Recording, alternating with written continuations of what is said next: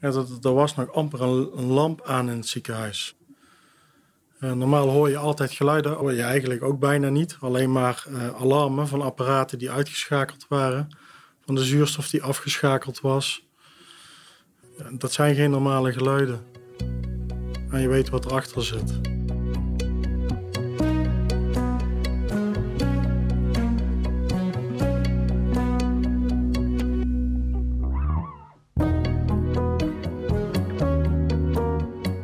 Luistert naar Vitale Functies, een podcast van Pensioenfonds Zorg en Welzijn.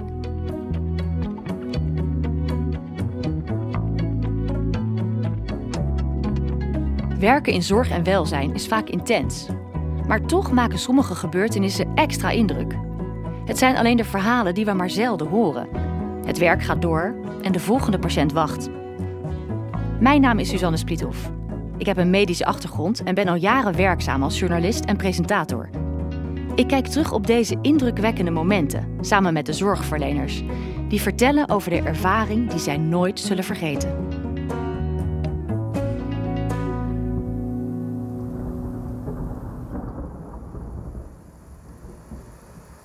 Op dinsdag 13 en woensdag 14 juli 2021 valt er in Limburg een uitzonderlijke hoeveelheid regen. Ruim twee keer zoveel als er normaal in deze maand valt. Heel veel regen.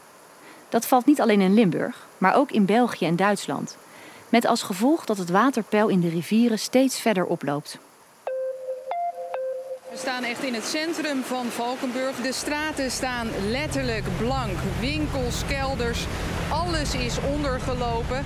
We staan tot onze enkels dan wel niet. En ook de spanning loopt op. Vooral bij mensen die wonen of werken in lager gelegen delen, in de buurt van aanzwellende rivieren. Ook de medewerkers van het Vicurie ziekenhuis in Venlo worden steeds nerveuzer. Want het Vicurie ziekenhuis is geen kleine instelling. Zo'n 3000 medewerkers bieden jaarlijks zorg aan ongeveer 114.000 patiënten. En als het waterpeil te ver oploopt, moeten ze honderden patiënten binnen no time evacueren. Wij waren in de nachtdienst aan het werk ja, er werd natuurlijk wel gespeculeerd over hoe, het, eh, ja, hoe de stand van zaken was met, uh, met het peil van het water en alle problemen die in andere dorpen onder Venlo al zich voordeden. Dus was, we wisten wel dat het een optie was, maar dat het zo snel ging gebeuren, dat had ik niet direct verwacht. Dit is Jort Lemmen, spoedeisende hulpverpleegkundige. Ja, het is eigenlijk zo dat het ziekenhuis vlakbij de Maas gebouwd is. Eigenlijk ligt de parkeerplaats van het ziekenhuis ligt al tegen de dijk aan. Dus wat dat betreft zit je er wel uh, heel dichtbij. Ik denk dat er een metertje of, uh, of 50 tussen zit. Vanaf het pand tot aan uh, de uiterwaarden van de Maas. Nou, ik ben Ruud Siersnikol, werkzaam bij het Vicure Medisch Centrum in Venlo. En werkzaam als crisiscoördinator. De dijk tussen de Maas en Vicurie is niet hoog. Dus tijdens deze dagen is Ruud als crisiscoördinator bezig het ziekenhuis voor te bereiden op een ramp. Hij en zijn team monitoren voortdurend de waterstanden en staan in nauw contact met Rijkswaterstaat en het waterschap. Dat hebben we gedaan uh, ja, tot en met woensdag eigenlijk. Toen was het nog steeds dat de waterstand daarna ook redelijk snel zou gaan zakken. En wij nog niet ernstig in de problemen zouden komen. En dat veranderde eigenlijk donderdagochtend. En toen we moesten gaan opschalen. De avond van donderdag op vrijdag begint aanvankelijk nog rustig. Maar schijn bedriegt, zo blijkt. Die donderdagavond, toen uh, de nieuwsberichten kwamen dat het water wel sneller steeg dan ze, in, in eerste instantie verwacht hadden. Ja, en dan denk je wel van, oh, hoe gaan we dit doen? Wendy Gouwmans-Megens werkt net als Jort als verpleegkundige bij de spoedeisende hulp. Ze draaien die avond dezelfde dienst. Ik wist dat in de avonddienst dat er uh, met het oog op de mogelijke evacuatie, uh, dat er daarom was besloten van er kunnen geen uh, patiënten meer bij. Er is echt wel heel kritisch door artsen gekeken um, van is de opname per se nodig? Um, of kan het op een andere manier opgelost worden, bijvoorbeeld door inschakeling van de hulp van familie um, of van thuiszorg bijvoorbeeld. En bij andere patiënten en was het inderdaad overleggen met andere ziekenhuizen. Is er plek? 25 jaar geleden was er ook een overstroming in Limburg en was het ziekenhuis ingesloten door water. Verpleegkundigen en artsen moesten met bootjes naar het ziekenhuis worden gebracht om hun patiënten te kunnen verzorgen. Deze keer wil Vicurie een soortgelijk scenario vermijden. In de nachtdienst ben ik wel een paar keer naar de beveiliging gelopen, want die hielden de waterstanden echt wel eh, bij. Want kreeg ik van hun wel door van ja, het stijgt wel hard. Dus ik wist wel op dat moment van ja, de evacuatie, dat zal er wel aan zitten te komen in, in de ochtend.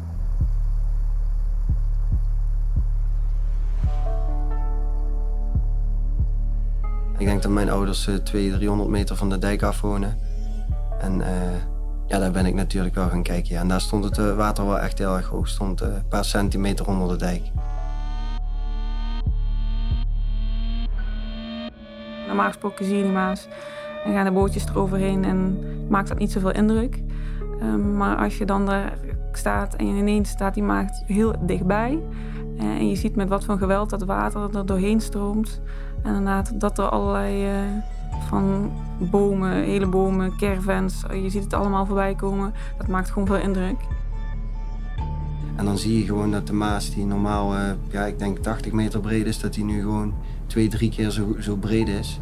En je ziet gewoon bomen die normaal echt hoog zijn, die zie je alleen de topjes nog van. En ja, we hebben echt, echt wrakstukken en bomen voorbij zien komen. Dus dat, dat was, vond ik wel echt heel erg heftig, ja. En ook, je, je zag ook wel van als die dijk gaat breken, dan komt er ook wel echt heel erg veel water. Ik heb er wel bij stilgestaan hoe lang dat we hier niet zouden kunnen werken als uh, het water uh, daadwerkelijk uh, het ziekenhuis zou raken. Het is niet maar vier, vijf dagen weer open. Ik denk, dan heb je het echt over weken. Weken, zo niet maanden. Ik ben hier opgegroeid, ja. Ik heb daar altijd al gewoond. Maar dit had ik nog nooit gezien, nee. De, de bankstellen die door het water voorbij kwamen drijven. Ja, dat hebben we wel gezien. We hebben die vrijdag ook nog gewoon uh, regulier gedraaid tot vijf uur. En daarna veranderde het.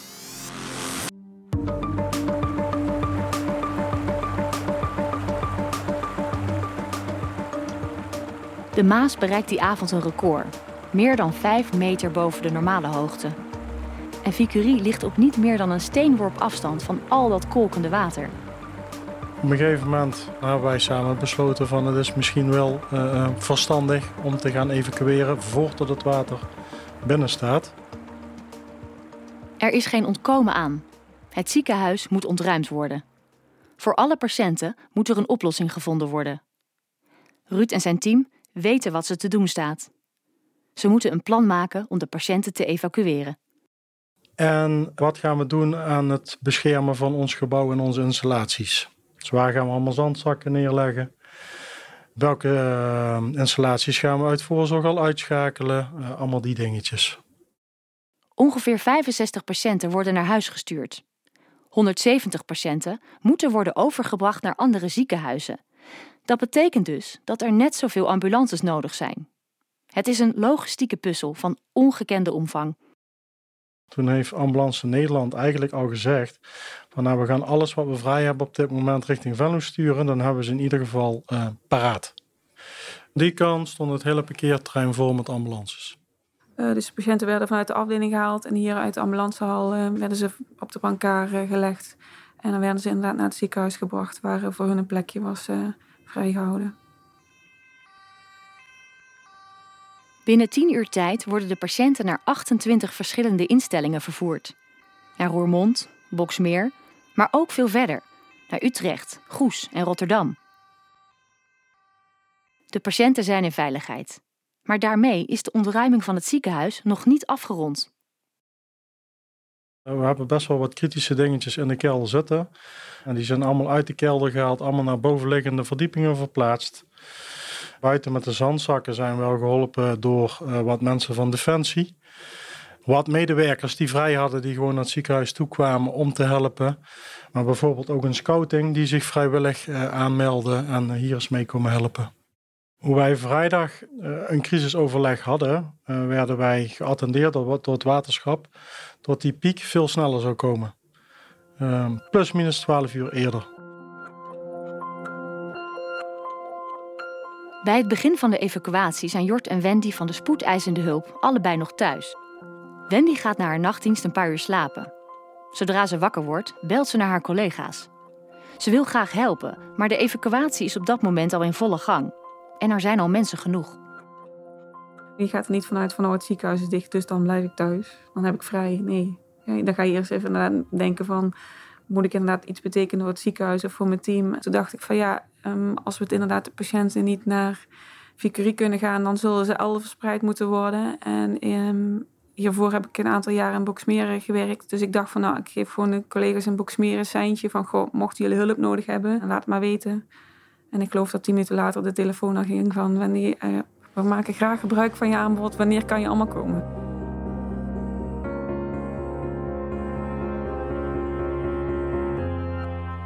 De ziekenhuizen moeten ineens in korte tijd onderdak bieden aan een groot aantal van de geëvacueerde patiënten. Jort en drie van zijn collega's zijn naar Roermond gestuurd. Maar daar blijkt de spoedeisende hulpafdeling niet groot genoeg voor de extra patiënten. En dus moet de afdeling worden uitgebreid. Ja, in Roermond is net zoals in Venlo eh, langs de spoedeisende hulp ligt een acute opnameafdeling. Maar nu hadden ze die afdeling verplaatst naar een, ergens uh, anders in het gebouw. En hadden ze die kamers omgebouwd tot uh, spoedeisende hulpkamers. Zodat wij ook daar patiënten konden ontvangen. De collega's daar waren ook heel, uh, ja, die waren allemaal heel erg vriendelijk. Die waren allemaal blij met onze hulp, uh, dat wij kwamen helpen. We hebben eerst een rondje gedaan over de afdeling om te kijken waar ligt alles, hoe, hoe gaat het in zijn werk. Nou, in mijn geval was het, hey Wendy, wat leuk dat je er bent, fijn, welkom, daar liggen de spullen. De materialen zijn anders, en, uh, maar de manier waarop gewerkt wordt, hoe je patiënten binnenhaalt en hoe ze gezien worden, uh, dat blijft toch wel hetzelfde. De patiënten die komen, die weten ook dat wat er in Venlo speelt. Um, die horen misschien aan je accent dat je niet uit Roermond komt. Of die zien dat je wat onwennig bent. Dat je een ander tenue aan hebt. Want het is allemaal hals over kop moet dat geregeld worden. Dus ja, de, de, patiënten merken ook wel dat het anders is. Maar daar totaal geen problemen mee ervaren. Dat, iedereen was heel begripvol.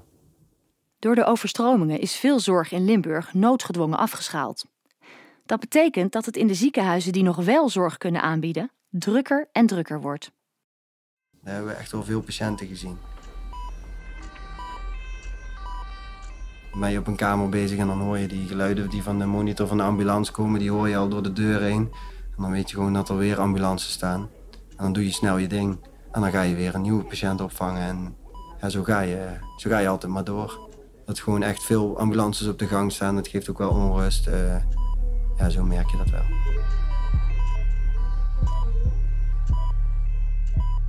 In het Vicurie ziekenhuis werkt Ruud met zijn team ondertussen aan één stuk door om het gebouw te beschermen en alle waardevolle spullen te ontruimen. En de druk loopt op. Want de waterpiek wordt eerder verwacht dan gepland.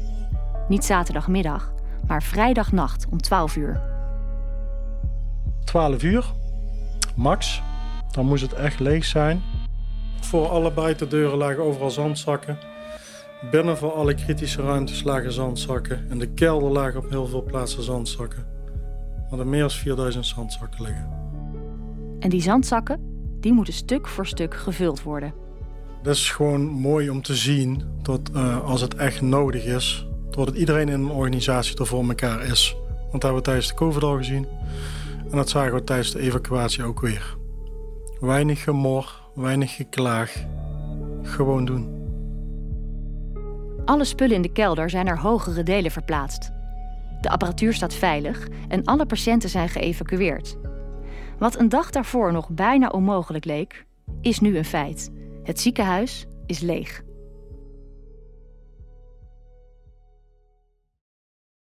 Heel vreemd. We waren het al een beetje gewend van, uh, van de COVID-periode, met name de eerste golf, toen alles afgeschaald was, geen bezoek was. Maar toen had je wel nog wat personeel rondlopen en er lagen nog wel een aantal patiënten. Maar helemaal leeg, dat was voor mij ook de eerste keer. Ja, er was nog amper een, lamp aan in het ziekenhuis. Ook als je daar voorbij reed, er brandde bijna geen licht. Uh, normaal hoor je altijd geluiden, ook als je s'nachts rondloopt. Dat hoor je eigenlijk ook bijna niet. Alleen maar uh, alarmen van apparaten die uitgeschakeld waren. Van de zuurstof die afgeschakeld was. Dat zijn geen normale geluiden. En je weet wat erachter zit. Ja, dat is een heel vreemd gevoel. niet fijn. Alles is er eigenlijk op gemaakt dat wij 24-7 open zijn.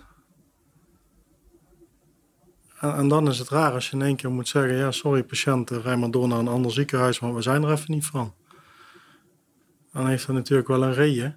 we doen dat natuurlijk niet voor niks. Maar toch wil je dat eigenlijk niet zeggen. We willen kosten wat kost 24-7 de beste zorg leveren voor de patiënten. En als dat niet kan, ja, dan is dat frustrerend. Dan is dat niet leuk. Toch ontkomt Ruud niet aan het moment dat hij de laatste lampen uitschakelt, de deuren achter zich dichttrekt en het ziekenhuis verlaat. Uiteindelijk heb ik net iets over 11 het seintje gegeven richting raad van bestuur van we zijn leeg, de laatste patiënt is weg. Dat was nog voor 12 uur. Maar ja, dan kom je thuis. Dan zit je zo vol met adrenaline tot slapen ook niet lukt. Ja, en zaterdagochtend waren we eigenlijk wel allemaal terug. Ze zit toch constant nog steeds uh, na te denken over hoe nu. En hoe gaan we de terugkeer weer organiseren. Dat, dat blijft wel meespelen. De regen blijft maar vallen en het water staat nog altijd ongekend hoog. Verschillende dijken in Limburg zijn doorgebroken of staan op doorbreken gestrand. Dat geeft wel aan de, dat het ook steeds gevaarlijker wordt. En zojuist vertelde een buurtbewoner mij dat uh, niet verder, veel verderop er bijvoorbeeld ook een brug is ingestort. Ruud en zijn collega's voeren permanent controles uit en houden het ziekenhuis nauwlettend in de gaten.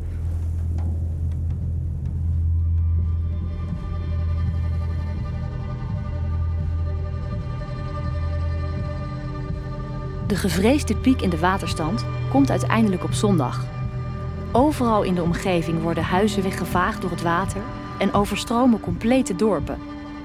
Maar wonder boven wonder blijft het Vicurie ziekenhuis droog. De dagen erna zakt het water langzaam. Tot Ruud en zijn team van de veiligheidsregio horen dat het gevaar voorbij is. Een fijn gevoel. Ja, een leeg ziekenhuis dat niet. Je wil zo snel mogelijk weer in de lucht zijn. Dat is wel de drive die uh, de gemiddelde zorgmedewerker heeft. Hè? Je wilt zorg leveren, daar zijn we van. we zijn niet graag dicht. We kunnen ons weer gaan voorbereiden op heropeningen. We kunnen patiënten weer uh, langzaam terug gaan halen. Maar dan is er toch nog heel erg veel te doen. Je, zit niet stil. Uh, er moet onderhoud plaatsvinden aan, aan apparatuur en installaties. Uh, de zandzakken moeten weg, er moet gepoetst worden, al het spul moet weer naar onder. Op de afdelingen moet alles weer in gereedheid gebracht worden. En dan het nadenken over hoe gaan we die patiënten daadwerkelijk weer terugkrijgen op de juiste plekken. Dus stilzitten doe je eigenlijk niet. Wendy en Jort werken op dat moment samen met teams bij andere ziekenhuizen. De nieuwe situatie is onwennig en vraagt veel van hen beiden. Tegelijkertijd levert het ook nieuwe inzichten op. De werkwijze is toch iets anders dan uh, dat je gewend bent. Je leert er wel van om die flexibiliteit alleen maar uh, te verhogen eigenlijk. En uh, het was eigenlijk ook wel om van elkaar te leren, deze ervaring. En dat, uh, dat was wel het mooie aan het, aan het hele proces. Van hoe, hoe hebben jullie de werkdag ervaren? wat, wat kan er hier beter? Wat kan er bij jullie beter? Dus dat was wel een leerzame ervaring. Nou, in Roermond doen ze voor elke dienst bespreken ze even of iedereen fit to fly is.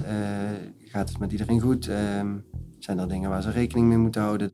S'morgens doen ze daar met de artsen en de verpleegkundigen even samen, even kort eh, de dag beginnen. Eh, dan weet je wie er aan het werk is. Eh, als er mensen nieuw zijn, dan worden die voorgesteld. En dat is, dat is wel prettig. Dat gaat bij ons niet altijd zo nu.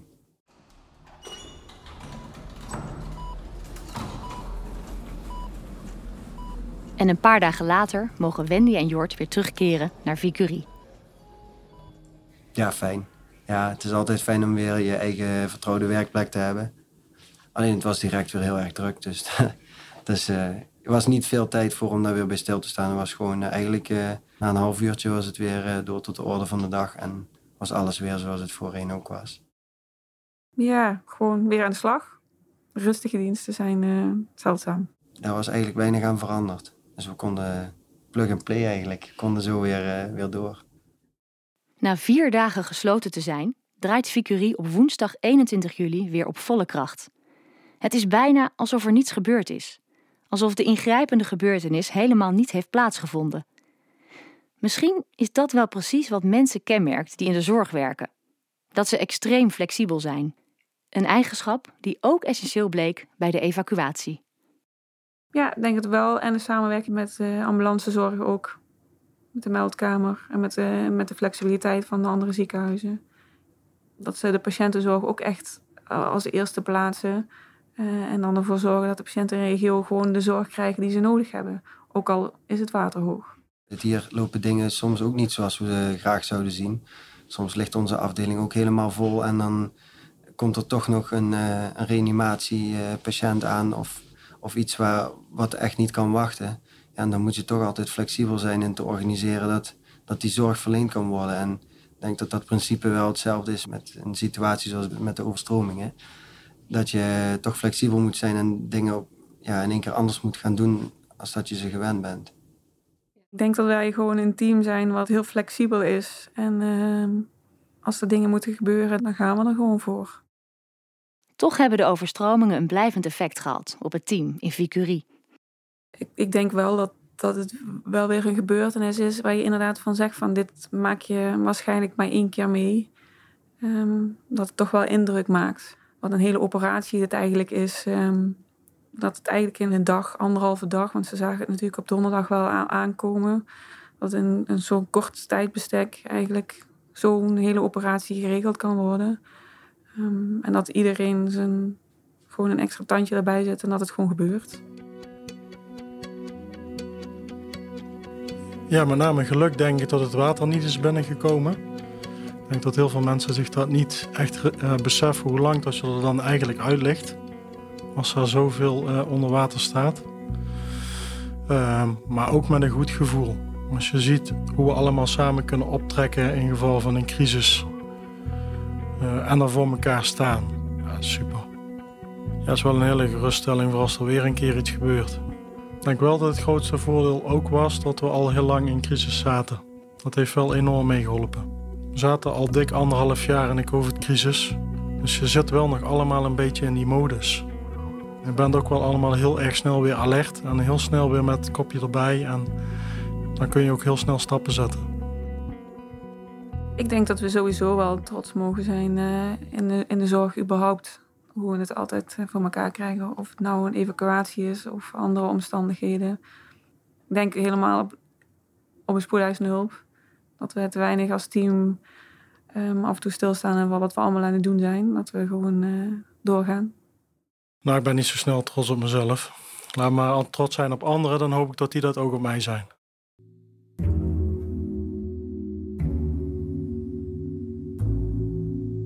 Ik denk dat we gewoon ontzettend trots mogen zijn op ons vak en op hetgeen wat we voor andere mensen kunnen betekenen. Inderdaad, soms zijn het hele grote dingen als in een evacuatie verzorgen.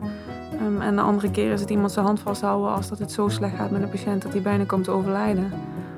Of het is een gebak voor iemand brengen omdat iemand toevallig jarig is op, eh, op het moment dat hij in het ziekenhuis ligt. Het zijn, kunnen hele kleine dingen zijn, wat heel erg waardevol van iemand anders kan zijn. En dat doen we allemaal weer met z'n allen altijd.